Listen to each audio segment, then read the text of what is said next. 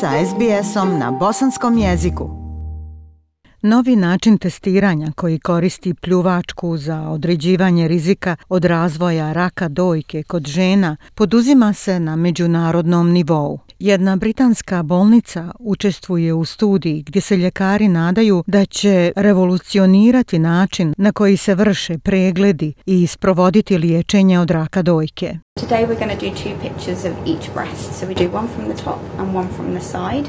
Danas ćemo napraviti dvije slike svake dojke, tako da ćemo napraviti jednu od ozgo i jednu sa strane. Medicinska sestra dala je upute pacijentkinji Jill Elford u bolnici u Velikoj Britaniji prije nego što se podvrgla rutinskom pregledu za rak dojke i to na klasičan način, mamografijom. Ona je jedna od mnogih žena u Britaniji starih od 50 godina koja obavlja kontrolni mamogram za rano otkrivanje raka dojke, a taj pomalo zastrašujući proces radi svake tri godine. U Australiji se preporučuje da osobe između 50. i 74. godine svake dvije godine urade mamografiju kako bi se na vrijeme otkrili rani znakovi bolesti ali međunarodno ispitivanje u kojem gospođa Elford dobrovoljno učestvuje obećava jedan mnogo ugodniji način koji bi proces učinio ugodnijim i promijenio način na koji se ljudi pregledavaju i liječe od raka dojke. Bolnica Adenbrook u Cambridgeu je uključena u studiju,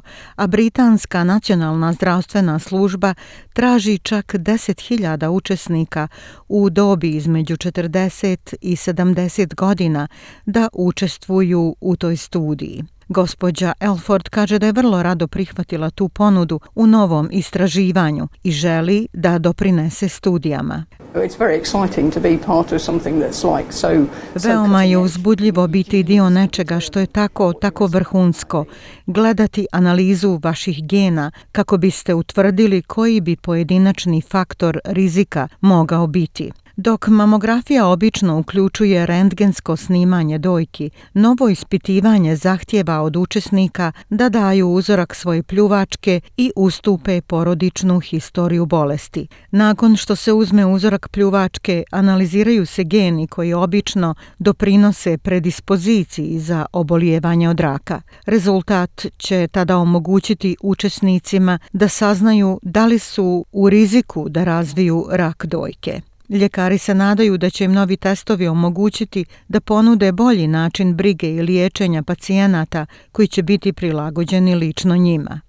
Eileen Hughes također učestvuje u studiji i rečeno joj je da je u visoko rizičnoj grupi za dobijanje raka dojke. Iako je u početku bila šokirana, kaže da je učešće u novom testiranju doprinijelo da osjeća veću kontrolu nad svojim zdravljem. I feel really reassured because I'm now Osjećam se zaista umireno jer sam sada u sistemu u kojem ću biti provjeravana svake godine, a ne svake tri godine.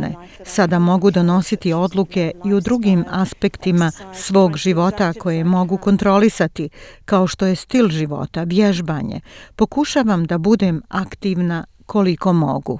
Studija pomaže ljekarima da identificiraju ljude koje je potrebno pažljivije pratiti i kažu da će biti u većem javnom interesu da se takvi testovi primjenjuju. Međutim, s druge strane, neki medicinski zvaničnici ističu da bi bilo pogrešno pretpostaviti da svaka žena želi da zna svoj rizik od raka dojke.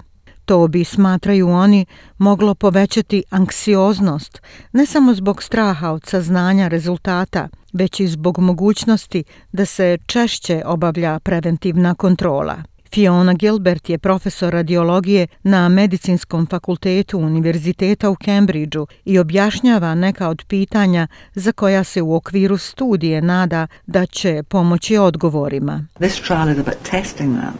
You know, are women willing to come and have their risk assessed? Are they willing to give genetic material? U okviru ovih ispitivanja na pacijentima mi se nadamo da ćemo otkriti da li su žene spremne doći i da li su voljne da saznaju jesu li u rizičnoj grupi, jesu li spremne dati genetski materijal, kako se osjećaju kada dobiju rezultat ili da li žele manje kontrola ili žele veći broj mamografija. U Australiji je kontrolna mamografija, screening dojke za rano otkrivanje raka, bila privremeno obustavljena ili je radila sa smanjenim kapacitetom tokom pandemije COVID-19. U aprilu 2020. godine organizacija Breast Screen Australia je obavila oko 1100 mamografija, što je neznatno u poređenju sa više od 74.000 u aprilu 2018. Slično i sa testovima za rak grlića materice i rak debelog crijeva. I u Velikoj Britaniji je slična situacija. Prošle godine su skrininzi za rak grlića materice, dojke i debelog crijeva također odgođeni zbog pandemije COVID-19. Strahuje se da bi epidemija koronavirusa mogla povećati broj oboljelih i broj umrlih od raka dojke uslijed odloženog testiranja za rano otkrivanje bolesti. Istraživanje britanske dobrotvorne organizacije British Charity Cancer Research u junu 2021. godine pokazalo je da je 10.600 žena manje počelo liječenje raka dojke između aprila 2020. i marta 2021. godine. Shirley Cochrane se već bila oporavila od raka dojke kada je ponovo pronašla još jednu kvržicu 2020.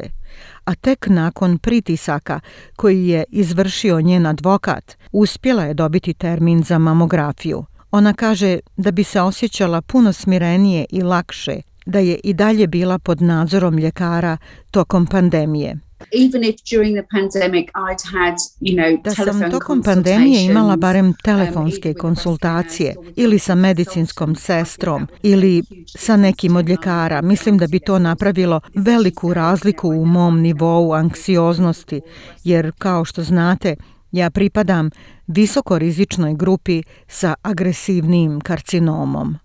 Bio je ovo prilog Arijane Lučente o novom načinu dijagnosticiranja raka dojke. Ja sam Aisha Hadži Ahmetović. Ostanite uz SBS radio na bosanskom jeziku. SBS na bosanskom. Podijelite naše priče preko Facebooka. Želite poslušati još ovakvih priča? Slušajte preko Apple podcasta, Google podcasta, Spotify ili kako god da primate svoje podcastove.